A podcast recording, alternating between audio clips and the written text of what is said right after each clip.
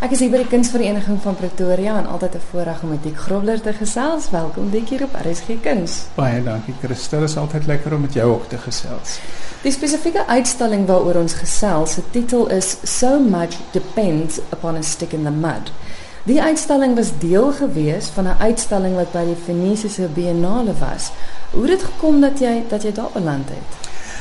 Man, dis 'n lang storie. Die uitstalling waarna ek deelgeneem het, se titel is Jumping into the Unknown en dit is gehou deur 'n groep um Nine Dragon Heads. Dis 'n groep internasionale kunstenaars wat werk met die natuur maar ook die menslike omgewing. So dit is 'n omgewingsbewuste groep kunstenaars en omgewing in die in die groter konteks van die woord. Dit gaan nie net oor groen kuns nie, maar dit gaan ook oor oor uh, oor die mens en sy kultuur. Die groep is gestig deur 'n Koreaanse kunstenaar in die laat 80s en aanvanklik het hulle in Korea gewerk, maar die laaste so 10 jaar doen hulle ook uitstallings in uh, Sarajevo elke jaar byvoorbeeld. Hulle het dan in Switserland uitgestal.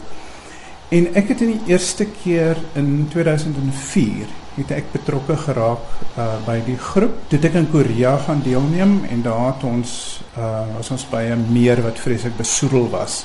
En al die kunstenaars het dan gewerk met die besoedeling om die meer en dan maak mense uh, performance art of hulle maak installasies. Dan word ook 'n galery uitstalling gehou. So dit is 'n groot weeklange gebeurtenis waar die gemeenskap baie betrek word by. So uh Nine Dragon Heads werk altyd in 'n gemeenskap en trek die gemeenskap in. Um ek het toe in 2011 het ek saam met Marinda de Tooi aan 'n uitstalling van hulle deelgeneem in Switserland. En verlede jaar se uitstalling by die Venesiese Biennale was nou die eerste keer dat die groep aan so 'n groot internasionale uh geleentheid deelgeneem het. Die kunstenaars wat deel is van die groep, dit kom uit alle genres uit of is almal animeerders? Nee, nee, nee, nee. Ek is omtrent die eerste, nee, ek is die enigste animeerder wat daar betrokke is. Die dit strek oor die hele spektrum van kuns. Daar is filmmakers, daar's mense wat met klank werk, daar's dansers en daar's baie installasiekuns, fotograwe, so dit dek die hele spektrum van die visuele kuns. Maar nie net die visuele kuns nie, van die kunste basis. Mm -hmm. Nou goed, dit waarna ons nou staan en kyk en waarna die luisteraars ook aan kom kyk, was fisies in Venesië geweest. Dit was deel van die biennale geweest.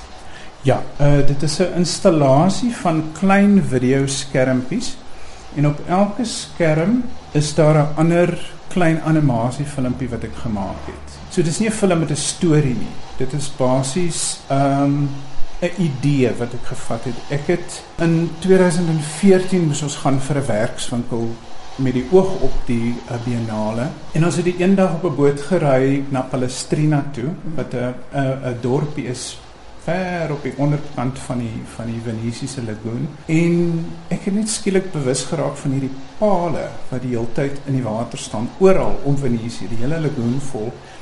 En hierdie pale, dit, dit, dit is so 'n piramide van 3 pale.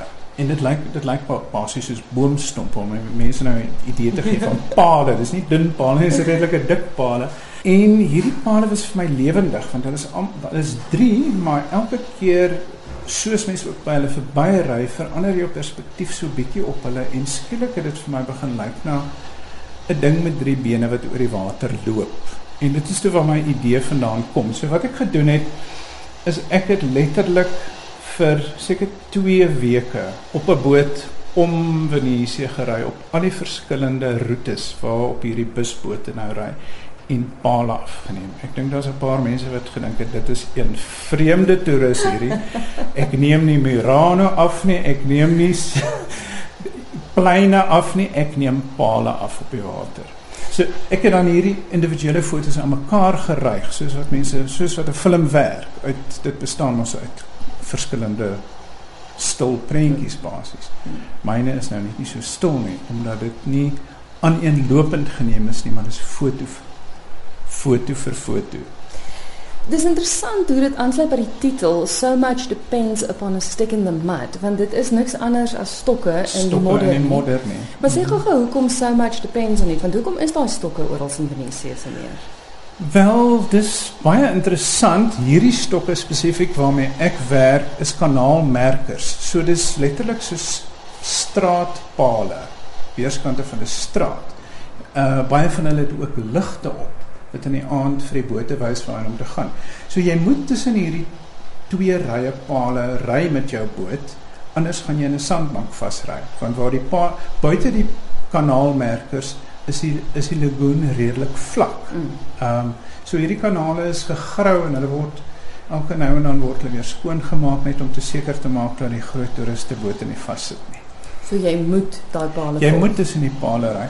En dan ook, ek weet nie vir die mense wat nog nie nog nie in Venesië was en en dit nie weet nie, is dat die hele stad is basies op pale gebou uh op boomstompe wat eeue gelede in die modder versink is. En daai daai hele stad staan op pale. En dis waar my titel vandaan kom. As so much depends upon the stick in the mud. Ek meen die hele stad berus daarop. Die die uitdrukking 'n stick in the mud is of 'n negatiewe uitdrukking. Jy weet as jy as iemand soort van 'n 'n party pooper is, dan sê jy, "Oh, hy's so 'n stick in the mud." Ehm um, want 'n stick in the mud is iemand wat nie bereid is om van sy sienswyse afstand te doen nie. Dis iemand wat klou aan 'n ding. Mm, mm. En Venesië is dan afhanklik daarvan. Jy weet so, dis 'n baie interessante stad uh, juis daarom want op 'n manier is dit so progressief. Ek meen dis 'n stad wat sy oorspronklike doel eintlik verloor het. Ek meen dit Venesië is soos 'n groot theme park. Ja. Jy weet dis dis 'n toeriste lokval hele hele stad omtrent waar dit van tevore 'n groot handelsstad was. So uit sy doelwit verloor, maar hy bestaan nog daar en hy's beeldskoon want dit is een van die mooiste stede op die aarde. Hoorie maar ek dog dan die Bybel sê jy moet jou huis op rots bou. ja, maar daar was nie so baie water waar die Bybel geskryf is nie. Dit dik ons staan nou hier in 'n deel van die kunsvereniging van Pretoria. Hier's nou die klomp verskillende skermpies wat nou elkeen op elkeen is daar 'n spesifieke storieetjie soort van wat mense wat vertel word. Ek weet jy het nou gesê nie storieetjies nie, maar is nou 'n spesifieke paal waarna mense nou kyk. Hier's omtrent iets soos 8, 9, 10 skerms dink ek. Daar's bietjie meer, maar daar is min of meer 10 filmpies. En dan is hier ook stilfoto's wat aan die kante hang. Dis nou letterlik die een vir een foto wat jy geneem het. Ja, dit is net om mense te buite dat dit mooi foto's is want ek weet nie miskien is dit net ek maar skielik is 'n stok wat in die water staan vir my vreeslik mooi. Ehm um, is dit ook net om mense 'n idee te gee van van hoe die filmpies werk. Ja, want dis is interessant ook 'n skerm wat jy hier aan die begin het wat ook wys hoe jy met die kamera staan en dan weer eens wys dis letterlik een vir een foto wat jy ja. geneem het. Ja, want mense besef dikwels nie wat in animasie ingaan nie. Animasie is 'n fliek maar waar met 'n gewone film skiet jy goed wat regtig beweeg. Met animasie beweeg dit nie. Jy maak dit beweeg oor met die manier waarop jy dit afneem. Hmm. Interessant wat jy vir my gesê het, daar's jy nou juist op die skerm wat wys hoe jy omdat jy beweeg en elke keer eintlik op 'n ander boot ry, party is hoër, ander is laer. Jy moet half soort van mooi kyk dat jy die palle darm ewe groot kry afhangend van waar jy is. En ek weet op een stadium het jy gesê jy fokus op die palle en dan gaan die boot in 'n ander rigting. So dit moet seker 'n uitdaging ja, gewees het. Dit was nogal. Ek het ehm um, klein bietjie verkoue op ook opgedoen want alhoewel ek ek was in Oktober en toe weer in April daar, so dis nie die koudste tyd van die jaar nie, maar as jy op 'n boot is die hele dag, ek het vir my 'n spesiale serpie gekoop om my nek toe te hou en ek is ook 'n paar keer nat gegooi.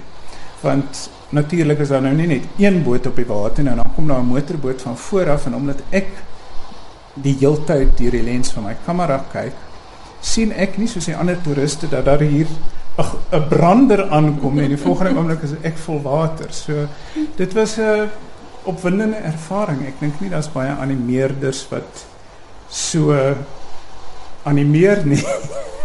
Ek weet dit is soort van ehm um, ja, extreme animation op 'n manier. Ja, wel al wat ek kan sê is ek dink animeerders is mense met ongelooflik baie geduld. Ja. Want dit vat baie tyd. Dit dit vat baie tyd, maar weet jy dit is geweldig vir my.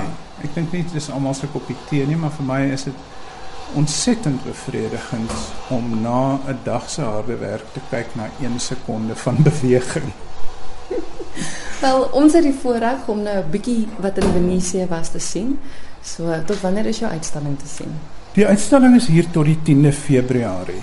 Ek het ook van al hierdie filmpies, ehm um, het ek besluit om 'n verbruikersvriendelike weergawe ook te maak want baie mense vra vir my, "Nou wys vir my wat het jy in Venesië gedoen?" En ek kan nou nie ewe dis 'n tafel vol verskillende skermpies, so ek kan nie vir mense 'n 'n 'n portfolio oopmaak in 'n prent wys nie, want dit gee nie vir hulle idee nie. So ek het besluit om 'n filmpie te sny uit al hierdie verskillende filmpies van so 3 minute lank met 'n stukkie musiek wat spesiaal daarvoor gekomponeer is. 'n Lekker jazzerige nommertjie. Um, wat Mark Marie Snyman vir my gekomponeer het. Is so dis 'n improvisasie op my favorite things uit The Sound of Music.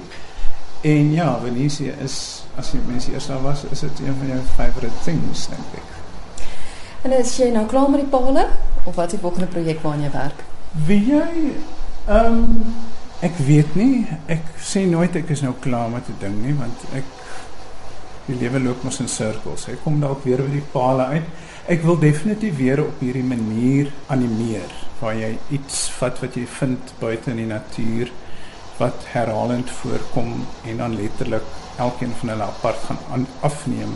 Want dan maak jy van daai een ding soos van hierdie paal is vir my nou 'n lewe dis soos 'n spinnekoppie wat oor die water ja. hardloop. Ek kan nie na die paal kyk sonder om aan te om aan hom as bewegend te dink nie. Maar wat ander animasie betref is ek besig op die oomblik met ehm um, filmverse 2.